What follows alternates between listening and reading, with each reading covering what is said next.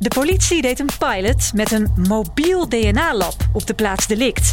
Waar het normaal gesproken maanden kost om te horen of het spoor matcht met een mogelijke dader, gaat dat nu binnen een dag. Wat betekent dat voor het opsporingsproces? En wat voor de forensisch rechercheur op de plaats delict? Dit is de Academie. Politiewerk in perspectief met Nina van den Dungen. In deze podcast praat ik met mensen uit de politiepraktijk en onderzoekers van de Politieacademie. Met zo'n mobiel lab kan een DNA-match er binnen één dag zijn. Dat blijkt uit het onderzoek naar de pilot Local DNA. En ik praat erover met drie mensen die hebben samengewerkt bij dat onderzoek. Drie mensen met elk een andere rol, namelijk iemand vanuit de politie, iemand van het Nederlands Forensisch Instituut en een wetenschapper van de Politieacademie. Vanuit de politie zit aan tafel Anna Meeps, senior forensisch adviseur bij de politie, gepromoveerd op mobiele DNA-techniek. Vanuit het Nederlands Forensisch Instituut zit bij mij aan tafel Bas Kokshoorn, principal scientist bij het NFI en tijdens dit project een van de DNA-deskundigen die de resultaten analyseerde. En dan nog de wetenschappelijke kant, die hebben we ook aan tafel vanuit de Politieacademie. Christiane de Poot, lector forensisch onderzoek en trouwens ook verbonden aan de Hogeschool van Amsterdam. Daar zijn wij vandaag ook te gast, de HVA. Want jullie presenteren hier zo meteen de uitkomsten van jullie onderzoek. Dat is tijdens een congres. Fijn dat jullie even tijd wilden maken om uh, hier aan te schuiven om hierover te vertellen. Um, ik wilde graag beginnen bij Anna. Anna, een rijdend DNA-lab. Dat klinkt voor mij heel, heel spannend. Als een soort uh, uh, anoniem bestelbusje dat je dan ziet hè, in, in CSI en zo. Dat van binnen vol hangt met apparatuur. Is dat ook zo? Moet ik het zo voor me zien? Ja, eigenlijk wel. Ja, CSI doet het al een jaar of tien. Misschien wel vijftien, denk ik, dat ik dat eerste filmpje liet zien. Maar eigenlijk lijkt het daar wel een beetje op. Ja, het is een apparaat um, wat staat in een busje. En daar kunnen mijn collega's dan uh, sporen eventueel bemonsteren en daarin stoppen. En dan feitelijk gezien gewoon op start drukken. En het daadwerkelijk analyseren van het profiel, dat is altijd nog, uh, behoort nog altijd toe tot de DNA-deskundige. Oké, nou daar gaan we het zo meteen uitgebreid over hebben. Ik wilde eerst heel even uitzoomen. Um, de meeste mensen weten het wel, maar DNA-onderzoek, wat is dat precies en hoe wordt dat nou in opsporing gebruikt, Anna? Uh, nou, als je precies wil weten wat het is, dan uh, is dat denk ik een vraag voor Bas. Maar om jullie een beetje mee te nemen in de dagelijkse praktijk, ik denk dat dat vooral de vraag is. Dan uh -huh. is het zo dat wij naar een, een plaats delict gaan. Dat kan van alles zijn, inderdaad, een inbraak die je noemde. Een eventueel moordzaak. dan gaan mijn collega's, forensisch onderzoekers, daar ter plaatse. Doen daar onderzoek en stellen sporen veilig. En dat kan van alles zijn, van bloedsporen tot hele items. je kan het zo gek niet verzinnen of wij nemen het mee of bemonsteren het ter, ter plaatse. Hè? Bijvoorbeeld ook een kopje. Um, of nou ja, uh, personen kunnen we ook bemonsteren als we denken dat iemand ergens gegrepen is. Uh, dat is de dagelijkse praktijk. En um, dan gaan wij normaal gesproken van de PD naar het bureau. En dan PD, de, PD, de plaatsdelict. De plaatsdelict. Ik wil het net zeggen. Precies. Ja, het is typisch politie om echt in afkortingen te praten. Dus uh, corrigeer mij vooral. Um, en dan gaan we naar het bureau en dan maken we met elkaar een keuze wat uh, een, een, goede inzet zou zijn om verder onderzoek uh, te doen. Dat doen we natuurlijk altijd met de, met de officieren van justitie die hierbij betrokken zijn. -huh. En daar formeel ook een opdracht toe geven. En dan sturen wij bijvoorbeeld sporen waar we vermoeden dat er DNA op zit. Bijvoorbeeld van nou, de vermoedelijke dader sturen wij dan naar uh, vaak het Nederlands Forensisch Instituut. En die onderzoeken ja, dat spoor dan. Naar Bas, inderdaad. Dus die krijgen dan ja. eigenlijk op het NFI binnen zo'n uh, bemonstering met een beetje bloed erop. En uh, dan gaat dat in allemaal verschillende apparatuur. En dan rolt daar op een gegeven moment letterlijk data uit. Die de DNA-deskundigen analyseren. En dan mm. hopen wij altijd dat dat een mooi profiel is. Wat we kunnen vergelijken met de databank. Um, en dan hopen we ook heel erg dat we een match hebben. Uh, ja, en, en daar staan uh, altijd alleen verdachten in. Hè? Dat, daar staan niet mijn uh, DNA in. Zeker niet. Nee, dit is het, de DNA-databank. Um, wat is die formeel, Bas, voor strafrecht? De Nederlandse DNA-databank voor, voor strafzaken. Strafzaken, ja. ja. Dus er staan alleen maar mensen in die al eerder veroordeeld zijn. Dus dat is ja. wel goed om dat even te benoemen. Mensen die eerder veroordeeld zijn en daarmee dus opgenomen moeten worden in de DNA-databank. Ja. Ja. En Bas, um, zo'n DNA-onderzoek en dan vooral het matchen, hoe lang duurt dat meestal? Ja, dat is heel verschillend eigenlijk. Hè? Je, je noemde al een voorbeeld, dat kan soms maanden duren bij complexe onderzoeken. Uh, maar we hebben ook situaties, en dat bieden we bijvoorbeeld als NFI ook uh, spoedonderzoek aan, dat we al binnen een paar uur een DNA-profiel kunnen opstellen en vergelijken in die DNA-databank. Uh, en dat is afhankelijk van het type spoor. Hè. Zit daar veel DNA en weinig DNA? Is dat DNA van één persoon of van meer personen? Dus mengsels van DNA, dat kan heel complex zijn om te onderzoeken. Ja. Maar gemiddeld, hoe lang doe je, doe je er gemiddeld over? Gemiddeld zal het een aantal weken zijn voor standaardonderzoeken. En zoals je al zei, maanden voor, voor complexere onderzoeken. Anna, ik kan me voorstellen dat dat uh, gewoon voor politiemensen in de praktijk uh, vrij problematisch is. Dat als dat echt lang duurt, je kan dan helemaal niks, toch? Uh, nou, je kan niet helemaal niks. Hè. Er zijn natuurlijk meer opties dan alleen DNA. Maar ja, het is vrij problematisch. Als politie willen wij liever direct het resultaat. Ja, en het komt dus ook echt voor dat wij uh, sporen voor onderzoek insturen van DNA. En dat we ingehaald worden door de tactische recherche. Uh, omdat zij inderdaad, nou ja, door middel van buurtonderzoeken of telefoonstappen tot een verdachte komen, die wij dan als een soort van mosterd naar de maaltijd uh, teruggekoppeld krijgen. Dat komt zeker voor. Maar we hebben ook hele mooie resultaten hoor. Waarbij we heel snel binnen die dag, of binnen een paar uur ook vanuit het NFI resultaat krijgen. Maar dat kan maar in een beperkt aantal zaken. Ja. Christiane, jij bent lector forensisch onderzoek bij de politieacademie.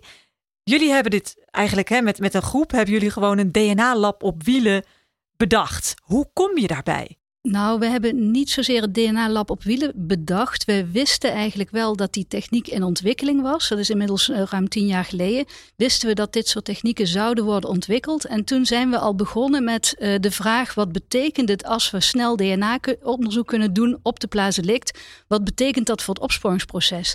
En daar hebben we toen een aantal eh, promovendi gehad die al onderzoek gedaan hebben naar van nou wat betekent dat voor de, voor de inrichting van je proces en voor het werk van de forensische rechercheurs als ze al snel op de plaats delict um, analyseresultaten zouden kunnen krijgen. Mhm. En daaruit voortvloeit natuurlijk dat toen, toen wij die experimenten deden, waarbij we plaatsen delict in scène zetten, toen, uh, toen bestonden die apparaten nog niet.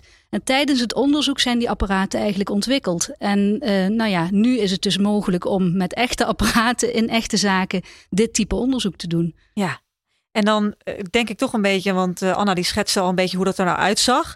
Um, een, een, een bestelbusje met apparatuur erin. Ik denk dan altijd aan een beetje die geheimzinnige spionagebusjes waarin je absoluut niet mag zien dat er van binnen iets gebeurt.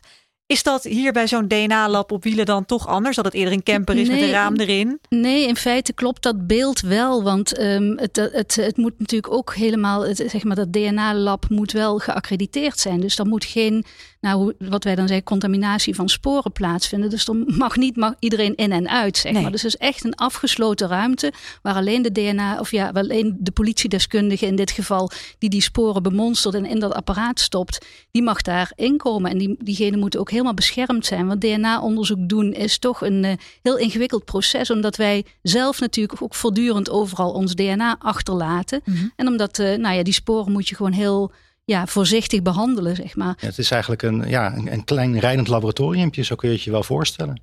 Waar de onderzoekers zich in een aparte ruimte kunnen omkleden, hè, de, de beschermende kleding kunnen aantrekken. En dan een ruimte ingaan waar dat ja, toch schone DNA-onderzoek eh, kan worden uitgevoerd. Christiane, wat was jullie verwachting um, qua wat eruit zou komen? Hè? Wat maakt dit nou het, het werk bijvoorbeeld van rechercheurs wat makkelijker? Of wat lost het nou eigenlijk voor ze op? Nou, we, wat wij ook al eigenlijk al lang wisten uit onderzoek, zoals Anna ook al zei, onder andere uit onderzoek van Anna, was dat, um, nou ja, dat, uh, dat er vaak sporen aanwezig zijn op een plaatsdelict uh, waarvan je niet weet uh, van wie ze afkomstig zijn. Ook niet of het dader- of slachtoffersporen zijn. Dus de interpretatie van een plaatsdelict, van wat is daar precies gebeurd, die wordt bemoeilijkt doordat je eigenlijk niet weet welke sporen van wie afkomstig zijn. Dus wij wisten eigenlijk uit het onderzoek van zowel Anna Meeps als uh, Madeleine de Gruiter, die onderzoek hebben gedaan naar die mobiele technieken, dat, het dat je beter in staat bent om scenario's te vormen en te begrijpen wat er op een plaatsdelict gebeurd is, als je die sporen direct kunt, uh, kunt duiden, zeg maar. Ja. En daarnaast uh, wisten we natuurlijk ook dat je daarmee dus snel een dader op het spoor kunt komen. Het bleek ook uit onderzoek van, uh, van Anna Meeps. Die, die je anders met, nou ja, zoals Anna ook al zei, die je anders met ja, met andere middelen zult moeten opsporen of soms niet kunt opsporen, waardoor een zaak gewoon lang open blijft. Wat we ook weer uit veel meer uit criminologisch onderzoek weten, is dat als daders sneller worden aangehouden en sneller uh, nou ja, in een strafzaak terechtkomen, dat daar een groter leerproces van uitgaat. Dus als ja. mensen maanden nadat ze een delict hebben gepleegd, dat er een keer opgepakt worden voor een delict wat ze nou ja, drie, vier maanden geleden gepleegd hebben, zijn ze vaak, zeker als het veelplegers zijn, al lang weer vergeten wat dat voor misdrijf ja. was. Dus het lik, lik op stuk beleid, daarvan weten we ook dat dat um, nou ja, zeg maar in, in, in pre preventieve zin veel beter werkt. Zeg maar. Ja. Dus, dus we wisten dat uh, nou ja, het sneller kunnen handelen op een plaatselijk sneller delicten kunnen oplossen, dat dat een grote meerwaarde zou kunnen opleveren. Maar we wisten dus niet hoe dit apparaat in de praktijk zou werken. En wat we ook niet wisten, wat echt een heel erg interessant onderzoek, of onderzoeksresultaat was dat we inderdaad zoveel matches zouden krijgen bij de zaken die wij in deze pilot onderzocht hebben. Want ja, wat we dus gedaan hebben, is we hebben 50 zaken uh, bestudeerd waarbij die techniek niet is ingezet en 47 zaken waarbij die techniek uh, wel is ingezet. Ja. En nou ja, die zaken zijn natuurlijk ook wel geselecteerd op goede sporen enzovoort. Maar in, uh, in, in 25 van die 47 zaken bleek er dus gewoon een, in, met dat apparaat een verdachte op het spoor. Een match te hebben met die databank. Een match te hebben. En dat was voor onszelf, was dat eerlijk gezegd een grote verrassing. Want wij zeiden van nou, we mogen blij zijn als we een paar zaken hebben waarin er daadwerkelijk een match is, zodat we kunnen kijken hoe zo'n zaak zich ontwikkelt. Ja. Maar die aantallen waren voor ons echt heel verrassend. Nou, dat kan ik me voorstellen. Want Anna, eh, vertel eens bij wat voor zaken zo'n bus dan eigenlijk is ingezet. Um, het zijn wel hoofdzakelijk wat wij noemen high volume crime cases. Uh, dus dat zijn uh, inbraakzaken, uh, diefstallen, series. Um, maar ook zeker wel bij een, een, een, winkeloverval bijvoorbeeld. Ja. Um, ook bij een aantal overlijdensonderzoeken hebben we het apparaat ingezet. en dat heeft in alle gevallen hele mooie resultaten geleverd. We hebben zelfs een serie gezien in de pilot. Dus dat was ook een hele mooie verrassing. En ook eentje waarbij we echt konden aantonen dat als we snel zouden acteren, nog sneller zouden acteren. Hè? Want de vervolging, dus het oppakken van tactiek uh, van de zaak, is dus ook essentieel om die snelheid erin te houden. Uh, dan kan je series ook echt doorbreken. Maar dus wat dat, was het voor uh, zaak dan? Met, met dit, was, dit betrof een, betrof een inbraak. Toevallig twee zaken die ik allebei met Bas heb gedraaid. En dat was een, een inbraakzaak waarbij een bloedspoor was aangetroffen, werd direct. Um, uh, onderzocht. Er kwam een match met de DNA-databank. Nou, dat kregen we echt binnen een paar uur. En dan gaan wij dus direct acteren. Neem ik contact met mijn collega's van de tactische recherche.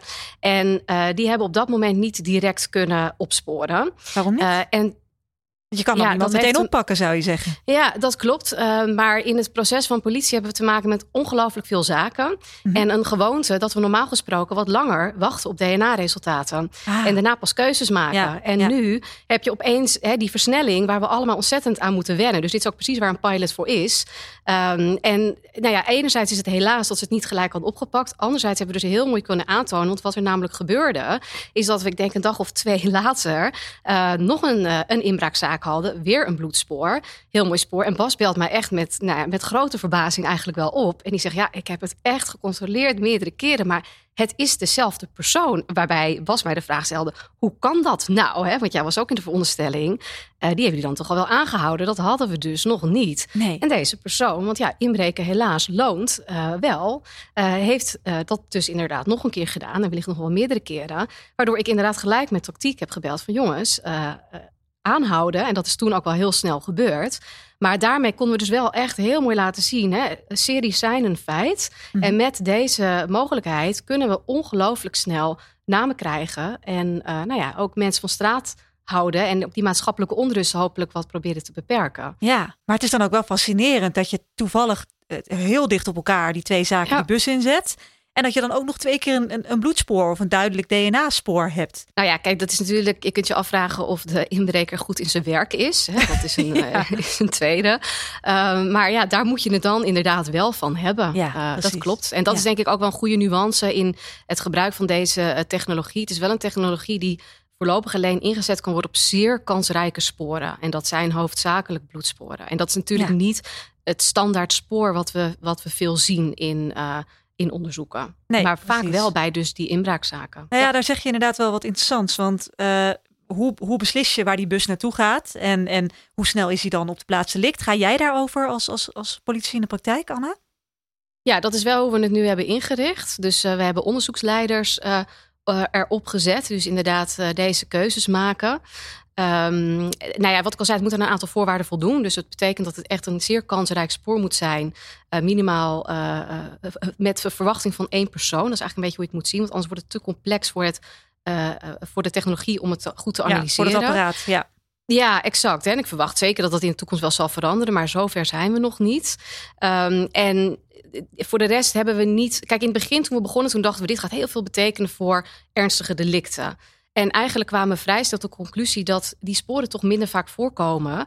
En toen hebben we, zijn we ook gaan inzetten op die, die inbraken, die diefstallen. Die, we hebben bijvoorbeeld ook een mooie auto-serie uh, uh, inbraak gehad. Die we ook hebben weten te kraken eigenlijk met dit apparaat. Mm -hmm. uh, en juist daar hebben we heel veel mooie resultaten gezien. Overigens, in die ernstige delicten heeft het ook veel waarde gehad voor vooral die scenario-toetsing. Die Christian al eerder noemde. Ja. Bij zo'n overlijdensonderzoek hadden we uh, een beetje een vreemd bloedbeeld. En dan, dan wil je weten, is van wie is dat bloed? Zou het toch ook nog van iemand anders kunnen zijn? En dan kan je dus ongelooflijk snel vergelijken, ook met slachtoffermateriaal, uh, van wie dat beeld dan is. Dus ja. dat heeft heel veel gebracht. Ja. ja. En Bas, jij werkt hier natuurlijk aan vanuit het NFI. Daar heb je, neem ik aan, veel meer mogelijkheden om op andere manieren te gaan kijken dan alleen in zo'n bus met één apparaat. Op het moment dat dan een analyse is gedaan in die bus en er komt dus een monster vanuit daar jouw kant op. Is er dan echt nog iets wezenlijk anders voor jou, hoe je dan handelt? Of, of moet je precies hetzelfde werk doen als altijd? Ja, voor, het, voor de NFI is het natuurlijk een andere werkwijze. Normaal krijgen wij het onderzoeksmateriaal aangeleverd. Dus echt daadwerkelijk het wattenstaafje waar dat bloed op zit. En gaan we het hele DNA-analyseproces in het eh, NFI-laboratorium uitvoeren. Nu is dat stuk van het werk eigenlijk dus in die bus uitgevoerd. En worden de data, de DNA-profielen, digitaal naar de NFI gestuurd.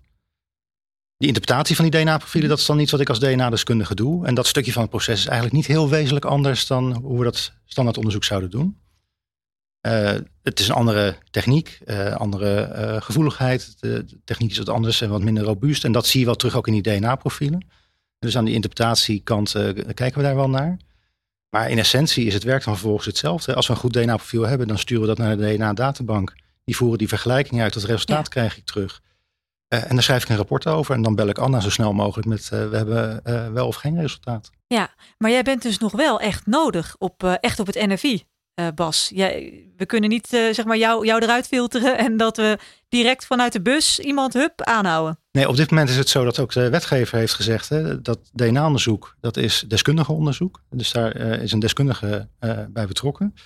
die kijkt natuurlijk naar wat is dat voor DNA-profiel? Is dat DNA van één persoon, van meer personen? Is het van voldoende kwaliteit? Kan ik dit vergelijken met de DNA-databank? We zijn heel erg aan het inzetten bij het NFI ook om dat stuk van het proces te automatiseren. dus door software eigenlijk dat soort beslissingen ook te laten nemen. Uh, en dat zal wel veranderingen uh, teweeg brengen. Uh, in de rol van de DNA-deskundige natuurlijk bij het ja. NFI.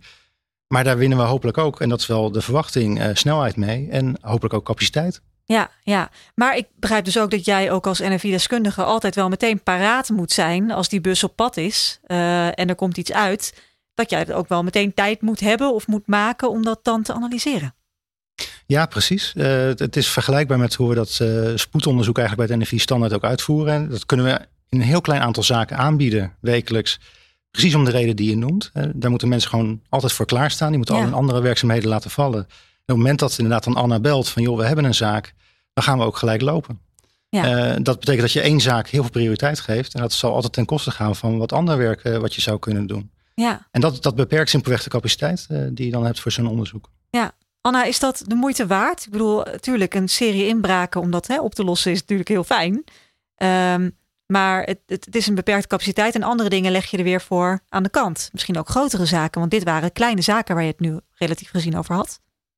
Ja, ik vind dat als politieagent zeker uh, de moeite waard, als ik, uh, als ik zo mag spreken. Dit is denk ik vooral een politieke beslissing. Namelijk, hoeveel vinden wij het waard met elkaar om heel snel uh, nou ja, te kunnen opsporen in onze maatschappij. En dat gaat nou eenmaal gepaard met uh, geld en capaciteit. Dus dat, dat is echt wel een politieke vraag. En we zien ook hier wel echt, nou ja, de, de beetje de strubbeling die we ook met elkaar hebben.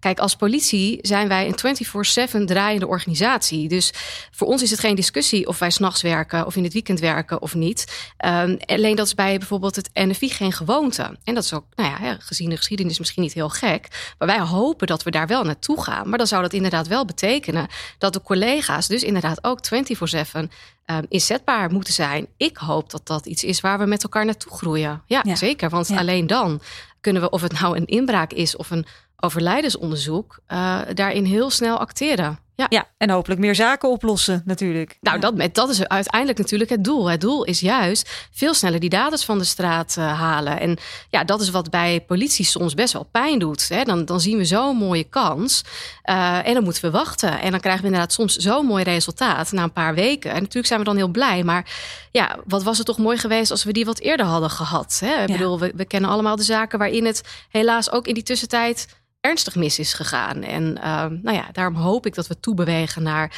een uh, nou ja, snelle opsporing in de keten. Dus daar zullen we dan allemaal aan mee moeten doen. Maar dit is een oproep aan de politiek. Besteed daar dan ook uh, geld aan. Ja. ja, precies. Christiane, natuurlijk lector bij de Politieacademie. Um, even terug naar dat, naar dat rijdende DNA-lab. Um, ehm, dan heb je een idee en dan ga je ermee aan de slag. Maar er zitten juridisch ook nog wel wat haken en ogen aan, toch? Wat we niet hadden voorzien was dat de wetgeving het niet toestond voor de, om, om het eerste deel van het onderzoek bij de politie neer te leggen. Dus in de wet stond dat een DNA-deskundige het DNA-onderzoek moet doen. En dat, dat eerste deel, waarbij je dus dat, nou ja, dat, die swap met DNA in dat apparaat uh, doet, zeg maar, dat is ook een onderdeel van het DNA-onderzoek. En dat mhm. mocht dus niet door een politieambtenaar uh, die geen DNA-deskundige was, gedaan worden. Nee, en daarvoor moest dus inderdaad de wet veranderd worden. En verder moest natuurlijk ook die hele omgeving waarin dat onderzoek plaatsvond, die bus, die moest, uh, nou ja, die moest geaccrediteerd worden, zeg maar. Dus er waren wel nog wat uh, juridische haken en ogen en wat kwaliteitseisen enzovoorts, die, uh, die eerst uh, geregeld moesten worden voordat we uh, konden gaan beginnen. Ja. En eigenlijk was namelijk ons, ons idee oorspronkelijk was dat we eerst in, een, in een pilotvorm, in een proeftuin, dit zouden gaan uitproberen. En als het zou werken, zouden we dan zeggen van nou, dan, dan is er nieuwe wetgeving nodig en dan moet je een geaccrediteerde omgeving gaan ontwikkelen. Maar omdat we het wel bij echte zaken wilden doen, uh, was uh, de politiek daar uh, onverbiddelijk, zeg maar. Moest meteen aan de voorkant eerst, goed geregeld worden. Goed was, was dat een frustrerend proces of, of viel dat wel mee? Ja, ja en nee. Ik vind het op zich heel goed dat het geregeld wordt. Ik vond het jammer, jammer dat het zo lang duurde. En ik vind eigenlijk dat er ook als je kijkt naar de, de wet die ontwikkeld is, wat ik er niet handig aan vind, is dat er eigenlijk in, de, uh, in het DNA-besluit staat dat dit alleen gebruikt mag worden voor sporen die van de verdachte zijn. Het probleem op een plaatsdelict is dat je eigenlijk niet weet uh, welk spoor van een verdachte is en welk spoor van iemand anders. Dat is namelijk waar je onderzoek naar doet. Welk spoor is van wie. Dus dat vind ik een, niet zo handig onderdeel van de wet, waarvan ik hoop dat dat uh, nu uh, alsnog, naar aanleiding van onze rapportage ook, dat dat, dat stukje gerepareerd wordt. Omdat, ja, omdat je gewoon in de praktijk dat onderscheid niet kan maken. En Bas, um, je hoorde net Christiane ook zeggen dat het toch wel, hè, alleen al juridisch gezien, mag een een politieagent niet zomaar gaan zitten op de stoel van de NFI-deskundige. Dus daar moet dan dingen voor geregeld worden.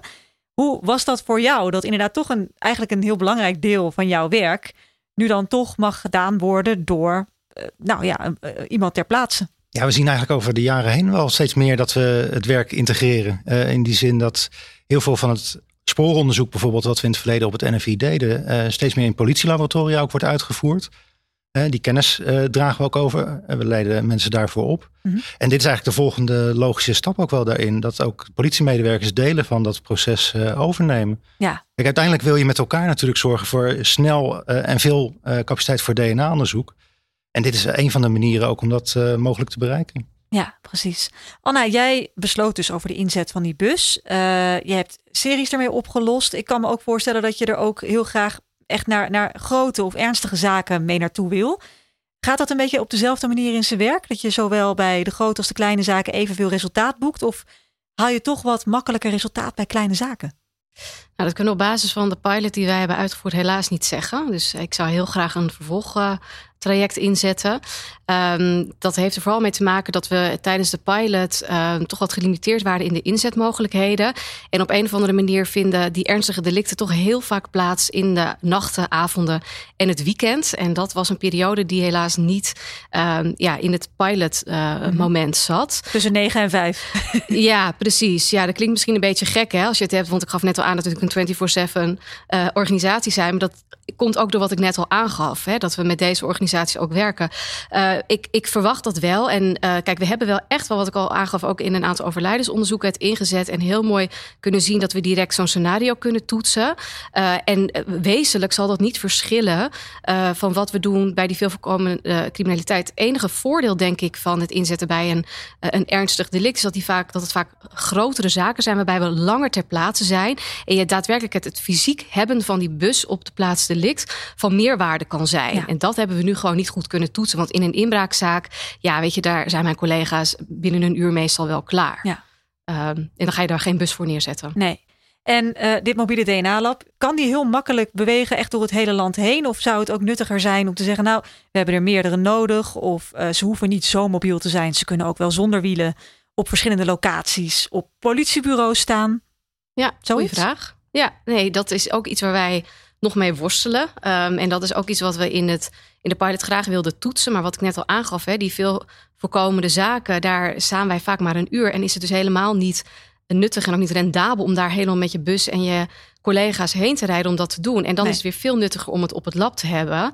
Uh, op het politielab dan wel, bedoel ik. Hè? Dus dat we dat uh, veel lokaler doen. Ja. En wanneer hakken jullie daar een knoop over door? Wat nou eigenlijk de ideale manier is? Of komt er een soort nieuwe pilot of proef uh, om dat te gaan uitvinden? Nou, ons advies uh, is uh, dat we een, een vervolgtraject inzetten. En we hopen dat dat ook gaat gebeuren. en dan kunnen we dit ook ook meenemen daarin. Ja. het is wel zo dat je het dus inderdaad, je, je, kunt met deze bus daadwerkelijk door heel Nederland rijden. Dat was volgens mij ook een van je vragen.